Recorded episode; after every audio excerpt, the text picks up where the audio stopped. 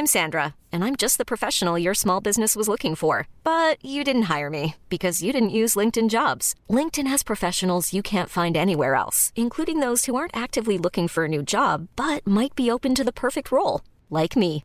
In a given month, over 70% of LinkedIn users don't visit other leading job sites. So if you're not looking on LinkedIn, you'll miss out on great candidates like Sandra. Start hiring professionals like a professional. Post your free job on linkedin.com/achieve today. There's never been a faster or easier way to start your weight loss journey than with PlushCare. PlushCare accepts most insurance plans and gives you online access to board-certified physicians who can prescribe FDA-approved weight loss medications like Wigovi and Zepbound for those who qualify. Take charge of your health and speak with a board-certified physician about a weight loss plan that's right for you. Get started today at plushcare.com slash weight loss. That's plushcare.com slash weight loss. plushcare.com slash weight loss. Raw Comedy-podden presenterar Sommartugg. Vi bjuder under sommaren in åtta av våra favoritkomiker som får ta över mikrofonen och på ett personligt intressant och förhoppningsvis roligt sätt berättar sin story. Dessutom så kryddar vi avsnitten med fantastiskt bra musik från osignade artister runt om i landet. Denna vecka gästas Sommartugg av den underbara komikern Ann Westin. Hon är född i Göteborg och har arbetat som mentalskötare och sjuksköterska. Debuterade som komiker, ja det gjorde hon 1996 och har sedan dess bland annat kammat hem priset för Årets kvinnliga komiker hela tre gånger. Vi säger varmt välkommen till Ann Westin. Jag heter Ann Westin och jag är 67 år gammal och har jobbat som komiker i 27 år. Och då kan ni räkna ut att jag började som komiker när jag var 40. Och i vården har jag jobbat lite över 20 år. Och jag har tänkt på vad jag skulle säga till den där unga Ann Westin som flyttade hemifrån när hon var 16 år och som hade teaterdrömmar och som stod framför spegeln och, och grät och bugade sig och drömde om en stor publik. Och, eh, jag kommer ihåg när min yrkesvägledare i nian kallade upp mig på sitt rum och så frågade hon, Noan, eh, hur har du tänkt dig framtiden då? Och varför hon pratade norrbottniska det var därför att jag bodde i Luleå på den tiden. Min pappa var yrkesmilitär och hade blivit förflyttad från Göteborg till Luleå. Så hela familjen fick ju hänga med då. Och nu var jag alltså i min yrkesväxtledares rum och hon, tyckte, hon frågade mig, vad ska du bli när du blir stor? Och jag som var helt uppfylld av teaterdrömmar svarade, ja men jag vill bli skådespelare. Varpå min yrkesväxtledare sa, tittade på mig och sa, nej, det vill du inte. Du vill jobba på posten. Jag tänkte, är hon inte klok? Nej men, svarade jag, jag vill ju, jag vill ju stå framför en publik och, och, så här, ja men där finns ju också folk på posten. Jag vet inte om hon hade ett avtal med postverket, som det hette på den tiden. På den tiden fick man post varje dag dessutom, kan jag säga. Nu lät jag sådär gammal så här, det var bättre förr, men det var det faktiskt. Jag ville i alla fall, när jag var 16 år gammal och bodde i Luleå, ville inte jag, jag ville inte stanna kvar där. Jag kände att jag måste härifrån. Och det ville nog alla, alla mina kompisar i Luleå också. Alla ville iväg någonstans, man ville, man ville flytta från stan och så. Och eh, jag bestämde mig för att jag ville flytta tillbaka till Göteborg.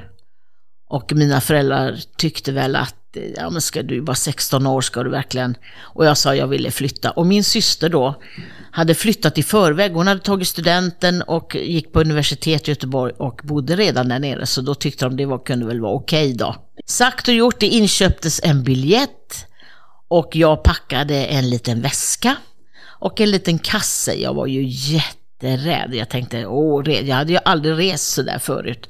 Så jag var ganska nervös. Jag, hade packat, jag minns att jag hade packat en liten morakniv som låg längst ner i kassen. Ifall någon skulle överfalla mig. Nu var det ingen som gjorde det utan alla var väldigt trevliga och jag kände, oh, lilla rädda Ann behövde inte vara så rädd. Och eh, här, den här tågresan tog ju enorm tid på den tiden, för det fanns ju inget X2000 då, utan jag tror den tog 12 timmar och jag satt i en kupé där alla de 12 timmarna. Och sen till slut så kom jag ju fram till Göteborg och där mötte min syster upp mig.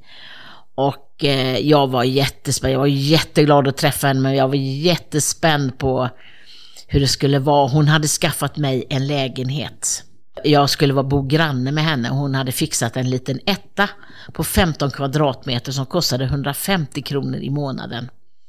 Och det var en underbar liten etta och jag bodde granne precis med henne. Det fanns bara ett litet handfat i hallen och det var kallt vatten så det fanns ingen dusch och inget badrum och ingen toalett heller. Utan toaletten den var ute i svalen som man säger i Göteborg. Ute i trappen, man delade den med grannarna helt enkelt. Och det var jag ändå glad för för på gården mitt över så hade de bara utedass. Så att, eh, ja, det låter ju som det är hundra år sedan men det är nästan det.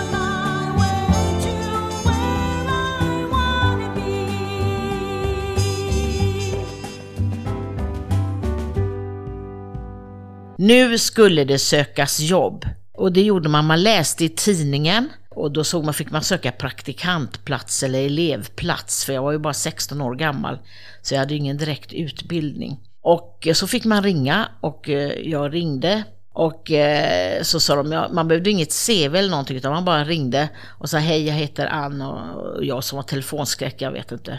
Och så pratade jag lite Norrbotten, hade jag Norrbottens dialekt också. Ja, och jag heter Ann. Eh, jobb. Jag skulle söka jobbet som, som eh, tandsköterskeelev. Och så, så tyckte de att jag lät så himla gullig som ja, du får komma upp så får vi intervju, får vi prata med dig. Då visste jag inte den stora betydelsen av hur man var klädd. Jag tänkte bara, de får ta mig som jag är. Och jag hade på mig bruna manchesterbyxor, en trasig kofta med hål på armbågarna, prolledojor, alltså proletärdojor då. Det var sådana arbetarskor med gula snören och en grön militärjacka. Och då kan jag säga, nej, det får man inte jobb på när man ser ut så. Så när jag kom in där till dem så, så tänkte jag, nej men gud, vad fan, är det en kommunist? Nej tack. Min syster sa till mig, alltså du får ju klä dig så att du ser anställningsbar ut i alla fall. Så hon gav mig pengar och så skickade hon ut mig för att handla snygga kläder. Glad i hågen och med pengar på fickan så begav jag mig ut för att hitta något snyggt då. Och jag hamnade i en tygaffär. Och jag tänkte säga, jag kan sy med något. Och så får jag syn på ett mossgrönt bredrandigt eh, manchestertyg. Åh, vad snyggt tänkte jag. Jag kunde ju sy ett par snickarbyxor med hängslen och, och sen fick jag syn på ett par jättestora röda knappar. Eh, och jag tänkte, åh då wow alltså, de kommer jag kunna fästa hängslena med. Det kommer bli skitsnyggt där på, sätter dem bak på byxorna. Och sen gick jag hem eh, glad i och tänkte, vilket fynd jag har gjort nu. Och eh, min syster frågade, vad har du köpt för någonting? Och så visade jag henne vad jag hade handlat för pengarna och hon blev inte glad kan jag säga. Men vad fan har du köpt? Ska du se ut sådär? Du ser ut som en jävla clown. Hon sa så nej nu följer jag med dig ut. Hon följde med mig som en mamma ut och handlade kläder till mig så jag skulle se något sånär ut. Men det skulle dröja väldigt lång tid innan jag fick jobb. Det tog hela tre månader. Och då fick jag jobb på en plastfabrik i Gårda i Göteborg. Där, där på den här fabriken så tillverkade man hyllremsor. Det var alltså remsor som man hade eh, i skåpen på den tiden. Man hade det på hy- hyllorna på skåp för att det skulle bli riktigt snyggt. Och det sydde man på den här fabriken och då man väckade dem och satte tjejer vid maskiner och så sydde de de här plastremsorna och väckade dem. Och jag hade det stora ansvaret att vika kartonger som man skulle lägga ner de här plastremsorna i. Och eh, det gjorde jag.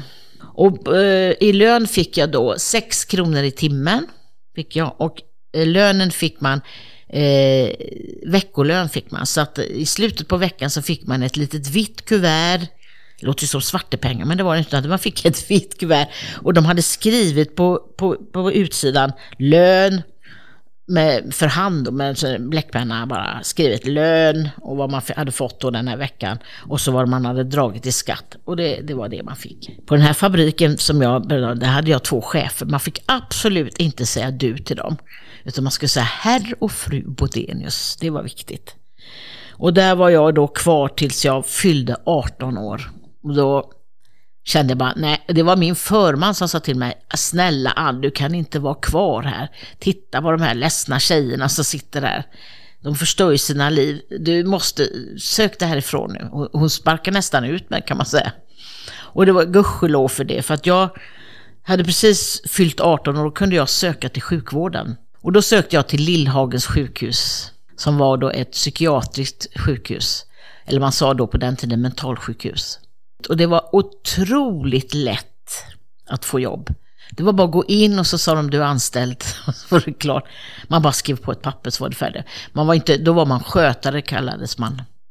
För man var ju inte utbildad mentalskötare utan skötare. Och då var jag 18 år gammal. Jag jobbade där i flera år och det finns patienter som jag inte glömmer. Vi hade en liten tant som jag verkligen inte glömmer. Hon, hon hade fått nya löständer och hon var så glad över dem för hon hade, inte, hon hade legat inne väldigt, väldigt många år, hade inte haft tänder på väldigt länge. Och så nu fick hon nya tänder, hon var så stolt och glad över dem. Och sen så skulle hon äta med dem för första gången och det var frukost och jag ser hur hon stoppar ner. Och vi, vi var lika glada som hon för vi tänkte gud hon var så lycklig över de där tänderna. Nu satt inte de sådär jättebra utan när hon stoppade ner skeden i gröten och in i mun så ramlade övergommen gled ner på skeden. Och hon fick trycka upp, börja trycka upp dem igen. Och det höll på att krångla det där hela tiden. Och de gled ner. Så varje gång hon skulle gapa så gled de där ner. Och sen blir, ser vi hur hon blir så jädra förbannad. Så hon tar ut båda sina gommar, slänger dem i gröten och säger Ät själv era jävlar. Pff, Och jag, vi, alltså, det var obetalbart alltså. Vi skrattade så väl på att dö. Hon var så arg, men vi fixade till det där sen så att det blev bättre. Men hon var riktigt, riktigt arg på de där tänderna. Men det finns, finns då patienter som man aldrig glömmer. Det finns en annan man som låg inne där och han gick på restaurang och, tvätt, och, och betalade med tvättlappar, sådana här vita fyrkantiga tvättlappar. Då hade vi ordnat ett, han, det var en favoritrestaurang han hade. Så han gick iväg dit och han hade aldrig pengar men så han hade de här tvättlapparna. Men då hade vi ordnat ett konto, han hade ganska mycket pengar så vi hade ordnat ett konto till honom där. Så han kunde faktiskt få betala och personalen kände honom som gammalt, säkert innan han blev sjuk. Så han, de kände till honom och han gick gärna dit och han fick betala med de här tvättlapparna. Det tyckte jag var rätt så gulligt.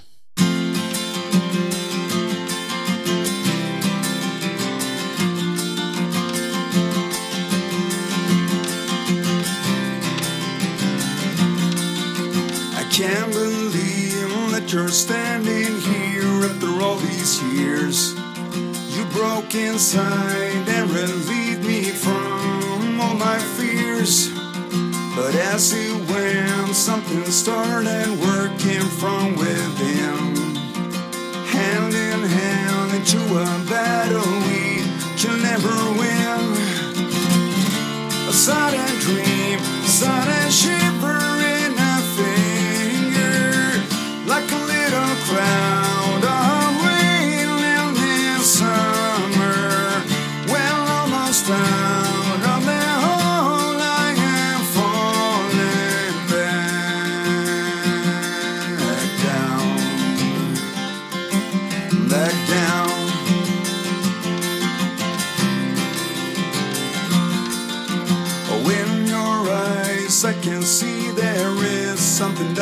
too. We waited for something better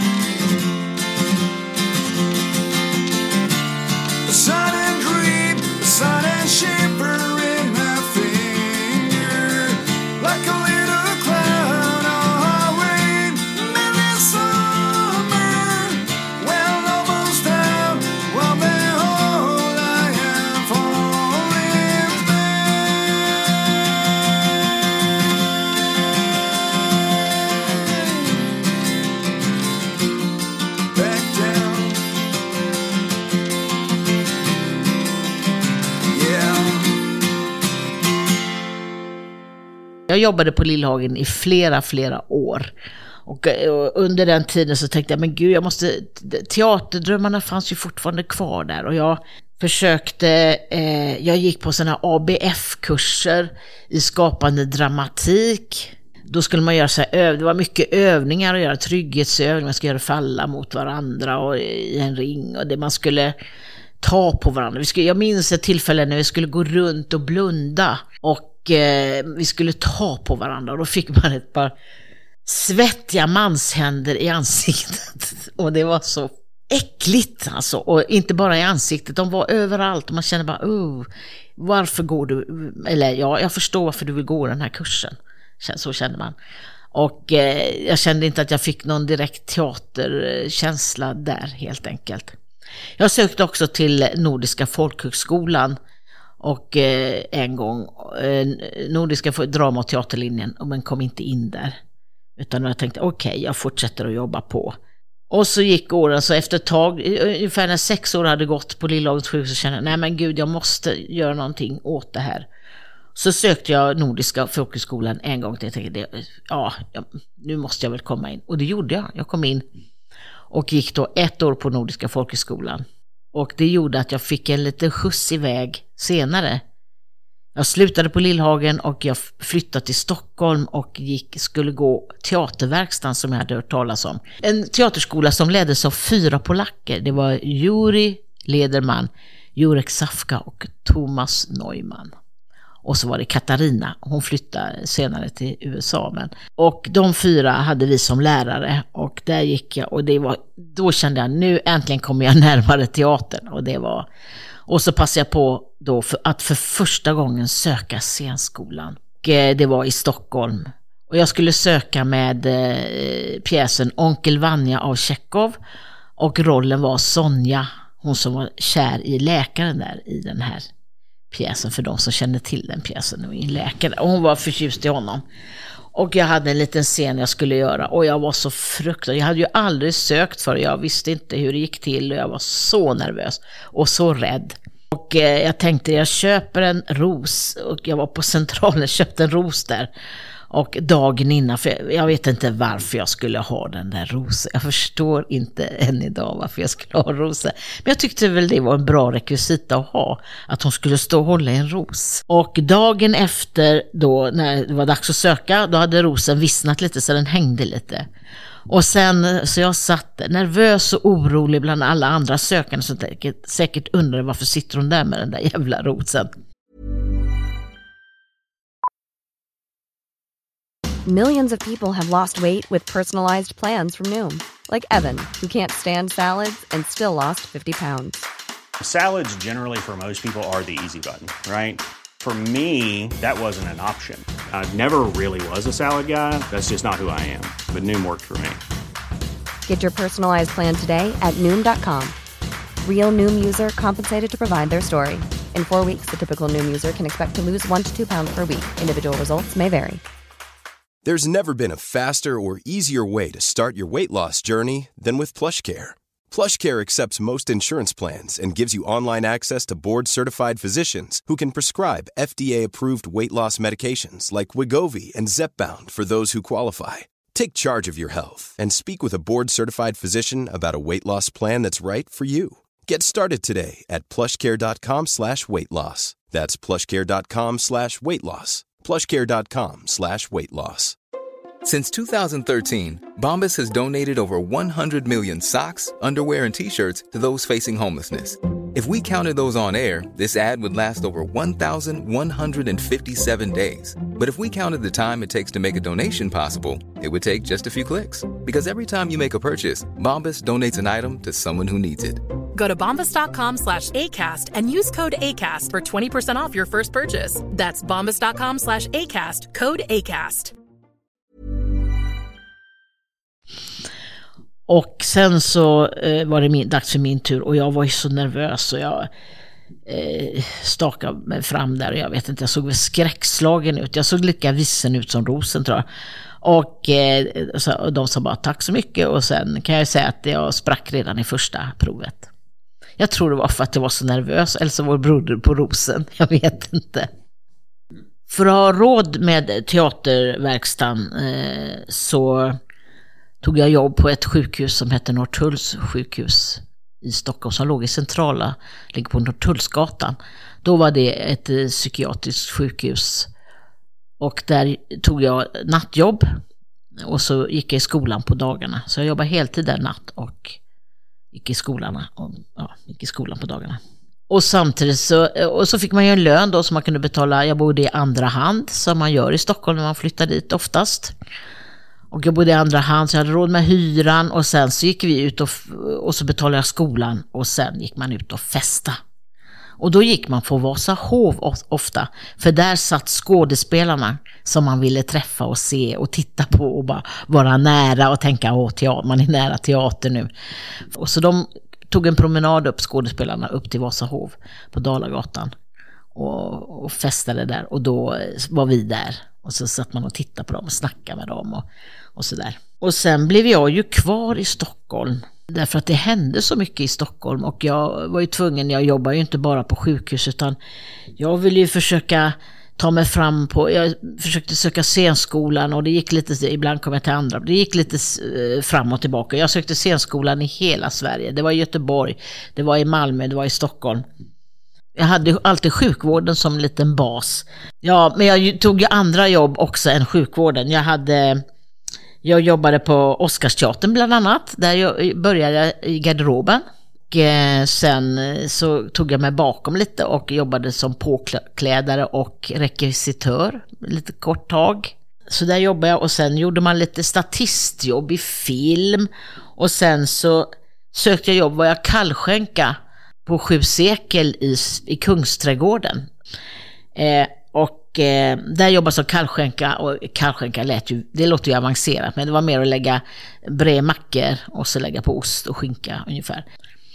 Och jag sålde krukor i Gamla stan. Och sen tänkte jag, när jag hade alla de där påhuggsjobben så kände jag bara så här, nej men jag måste ha något lite mer fastare jobb. Och då började jag jobba på förlossningen på Danderyds sjukhus. Och det var ett väldigt roligt jobb. Och under den tiden så blev jag erbjuden barnteater i, nu kom teatern, i Eskilstuna. Barnteater, ja. Sagt och gjort, jag tog tjänstledigt och jag drog till Eskilstuna. Och där eh, bodde jag ett år då eh, och turnerade runt med barnteater. Det var ett ganska tungt jobb. Jag beundrar de som faktiskt eh, gör barnteater och spelar och turnerar runt med barnteater. Det var ganska tungt för oss. Man riggade hela scenen med stålställningar och satte ljus och man hade kläder. Vi hade otroligt mycket kläder i den här föreställningen som var så här gamla eh, 1800-talsklänningar och det var, vi hade stora låt, allting låg i stora trälådor och det var väldigt tungt och vi släpade in då in på förskolor och måtten var inte alltid rätt. Så vi visste knappt hur vi skulle få bygga den här ställningen och det var väldigt tungt. Och då kunde man göra två sådana föreställningar per dag och resa med. Eh, och det, alltså, det var väldigt, väldigt slitigt. Det hade jag aldrig orkat idag. Jag var med i en pjäs då som, där jag var en liten harlekin och spelade blockflöjt och sen var jag styvmamma som var ganska elak och det var jag ganska bra att spela på. Och sen var jag också en elak häxa. Och jag gjorde det så otroligt bra den här elaka häxan så på ett ställe på en förskola så satt det en liten pojk och han bara skrek skjutna, skjutna, skjutna. Och efter det, efteråt kom min regissör fram till mig som hade varit där och sa Ann, du behöver inte spela fullt så elak. Tack. Så jag fick dra ner lite på att vara så elak, men annars har jag varit ganska bra på det. Så jobbade jag, vi turnerade ett år och sen var det tillbaks till eh, sjukvården.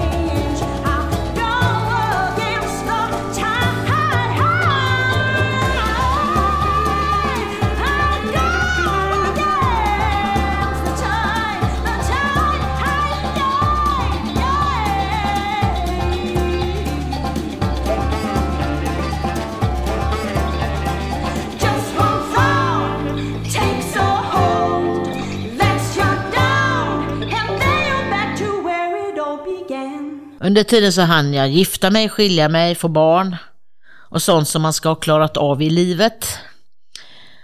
Och eh, då kände jag bara så att nej, teatern får stå tillbaka. Och då blev det sjukvård på heltid, hämta och lämna på förskolan. Och ibland dök det upp lite erbjudande. Jag var till exempel med i Tre Kronor som statist med replik. Och jag har varit med i Rederiet också. Och så helt plötsligt då, och jag jobbar, jag jobbar på Huddinge sjukhus och så helt plötsligt så ser jag Släng dig i brunnen kom precis i den här vevan. Det var helt nytt stand-up. Det hade man ju aldrig, det visste jag inte ens vad det var. Och så såg jag på tv de som stod på, på brunnen och, och skojade. Och jag tyckte det var, alltså det, jag tyckte det var så otroligt kul. Jag, var, jag blev, det var inget jag kunde tänka mig själv, för jag tänkte nej gud att stå själv sådär och stå för det roliga och, och stå bara och berätta sådär.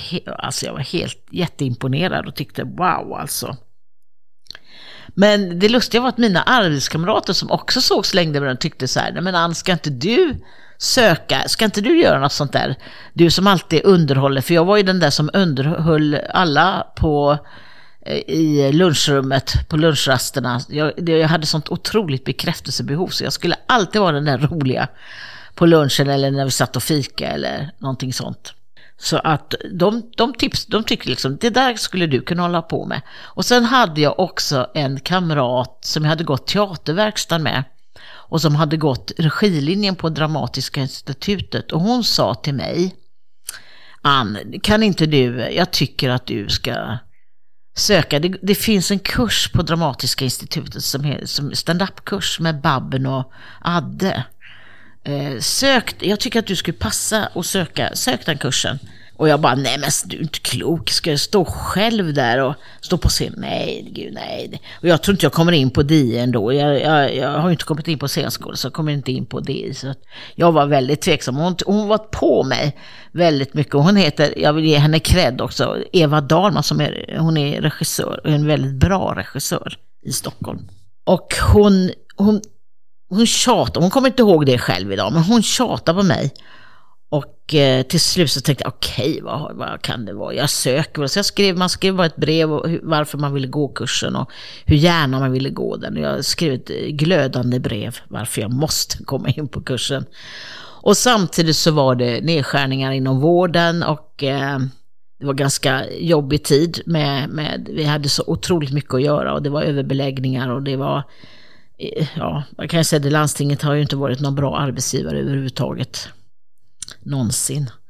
Och jag kände bara så här, ja nej men jag, de sa du kommer att få gå, då sa jag då vill jag ha avgångsvederlag om jag ska gå. Ja det kan du få sa de. Och då var det så lätt, men sen fick jag bråka mig till avgångsvederlaget i alla fall. Och då fick jag avgångsvederlag och sen slutade jag och så kom jag in på DI också. Och då kände jag yes, det här är meant to be. och sen kommer jag till DI, eh, Dramatiska institutet och står i denna främmande värld och har varit mest inom vården de sista åren och känner bara oj, oj, oj, vad har jag gett mig in på? Det blev så i alla fall. Och efter en vecka på kursen så kände jag bara wow, här vill jag det här vill jag göra, det här, det här vill jag verkligen göra. Och i alla fall när kursen var klar, då kände jag det är bara det här jag vill göra. Och sen dess har jag kört på och det var 1996. Att gå den där kursen på Dramatiska institutet, det var banne med det bästa jag har gjort. Tack Eva för att du tvingar mig, att du tjatar på mig att jag skulle söka den där kursen. Det är det bästa jag gjort, förutom min dotter då, faktiskt. Standupet blev min absolut största passion.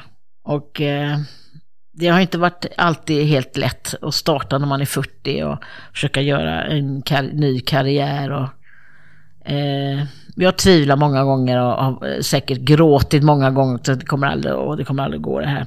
Men jag har aldrig, jag gav mig aldrig utan jag har envist hållit i och Första tiden så börjar man ju som rookie, om man ska veta, mm, då på 96, det var fortfarande nytt då, så att eh, det fanns inte hur många klubbar som helst och eh, och oftast var det ju då pubbar med blandad publik och alla visste inte heller att det var, man, de var inte där för att titta på standup utan de skulle dricka kopiösa mängder och bara skrika och döna. Och när man var rätt ny och oerfaren så var ju det jättetufft alltså. att stå framför den här fyllepubliken som var. Det har ju blivit mycket, mycket bättre idag, tycker jag. I alla fall för mig har det blivit det. Helt plötsligt så första året, eh, man- eh, jag var rookie första året där, 97. Så uh, hörde en bokare av sig i december och frågade ah, hur mycket material har du? sa han. Material, det betyder alltså hur mycket har du skrivit, hur mycket har du, hur mycket kan du köra? Kan du köra 30 minuter? Och jag, kun, det kunde jag ju inte, men jag bara kände bara, jo, ja, ja det kan jag. jag.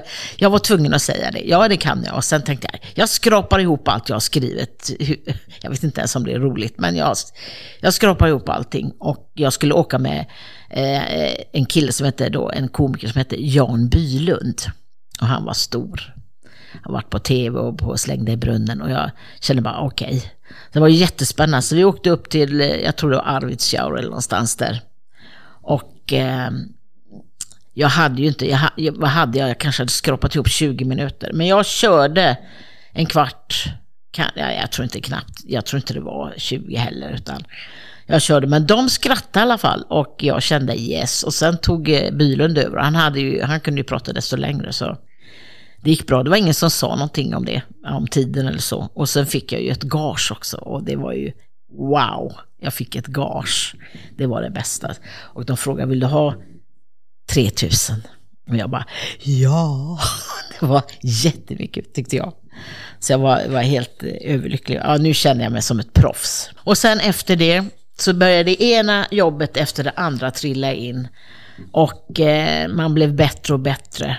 Och man fick ju se mycket, när man är ny så får man ju se. Jag kommer ihåg, jag var på ett ställe i Norrland och då var det på en, på en liten så mindre restaurang och det var julbord och det var, eh, jag tror att det var massa elektriker som skulle ha och en, det var en liten, en yngre av de killarna som hade druckit lite för mycket. Så när jag står och pratar på scenen så ser jag hur han spyr rakt ner i tallriken. Och jag kände bara, oj, hoppsan. Och så. Och sen ser jag hur han bara dyker med ansiktet rakt ner i, tallriken också. Och jag, bara, och jag börjar skratta. Och de bara, vad skrattar de? åt? så ser de honom och tar honom i ben och armar, slänger ut honom i snön utanför så han får nyktra till lite. Och då känner man, oh jaha, är det så här det ska vara? Så. Sen fick jag också ett jobb som jag måste berätta om. Och det var på en taklagsfest. Eh, och de sa, Eh, han, bokaren som ringde mig, så han, han sa till mig så Ann, är det någon som klarar det gigget så är det du. Och jag kände, ja, då blir man ju lite stolt. Så man känner, ja, då gör jag nog det. Ja, det gör jag. Och jag kommer dit, nu vet du. Och på den tiden, jag tror inte det är så idag, men det var fri sprit på borden. Fri bar. Och alla var jättefulla redan när jag kom. De, alltså nu pratar jag, de var jätte, jättefulla. Och det var ett skrän och skrål över hela, alltså det var, och jag tänkte, och det var ett rockband på scen och jag skulle ligga sist och jag tänkte, hur har vi tänkt här? Alltså, jag hade sån fruktansvärd ångest. Och sen så tänkte jag, jag går upp på scen och då började de busvissla och tänka, wow, en tjej, såg de då så. Och, eh, och jag kände, ja jag kommer nog greja det här, tänkte jag. Och sen körde jag tio minuter kanske, om ens det. Och så körde jag lite för direktionen och som satt, jag tänkte jag måste ändå köra något, men det var ju omöjligt för mig att kunna köra i det. Och sen bara gick jag därifrån och kände mig helt misslyckad, för jag tänkte att jag inte kunde få dem att bara lyssna på mig. Eh, och så. Eh, det var helt, eh, alltså, hur kunde jag tänka så? Och jag kryssade mellan spyor när jag gick, gick ifrån festen. Och så kände jag mig jättemisslyckad att jag inte hade lyckats fixa den publiken. Vem hade det? Vem hade lyckats med det? Jag har haft riktiga skitjobb ska jag säga, men jag har också haft riktiga drömjobb. Jag har fått åka på jätteroliga turnéer, jag har fått, eh, jag har fått gjort girl power bandsalonger i Stockholm, vilken dröm att få vara på bandsalonger.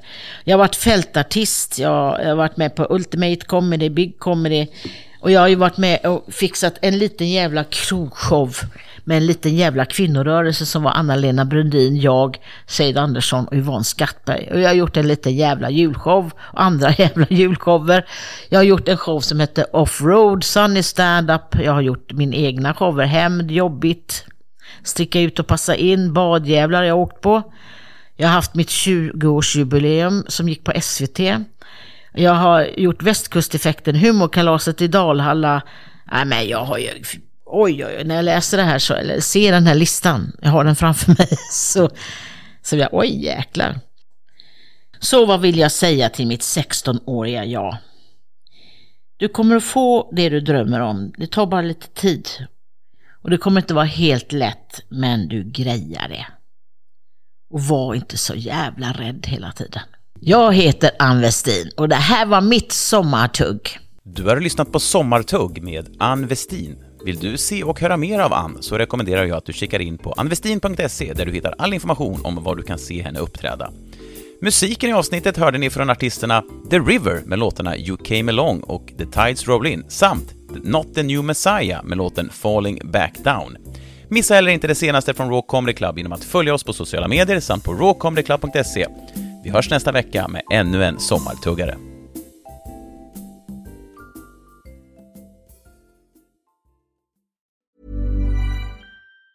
Hi, I'm Daniel, founder of Pretty Litter. Did you know cats tend to hide symptoms of sickness and pain? I learned this the hard way after losing my cat, Gingy. So I created Pretty Litter, a health monitoring litter that helps detect early signs of illness by changing colors, saving you money and potentially your cat's life. Pretty Litter is veterinarian developed, and it's the easiest way to keep tabs on your fur baby's health right at home. Go to prettylitter.com and use code ACAST for 20% off your first order and a free cat toy. Terms and conditions apply. See site for details. Imagine the softest sheets you've ever felt. Now imagine them getting even softer over time. That's what you'll feel with Bowl and Branch's organic cotton sheets. In a recent customer survey, 96% replied that Bowl and Branch sheets get softer with every wash. Start getting your best night's sleep in these sheets that get softer and softer for years to come. Try their sheets with a 30-night guarantee. Plus, get 15% off your first order at bowlandbranch.com. Code BUTTERY. Exclusions apply. See site for details.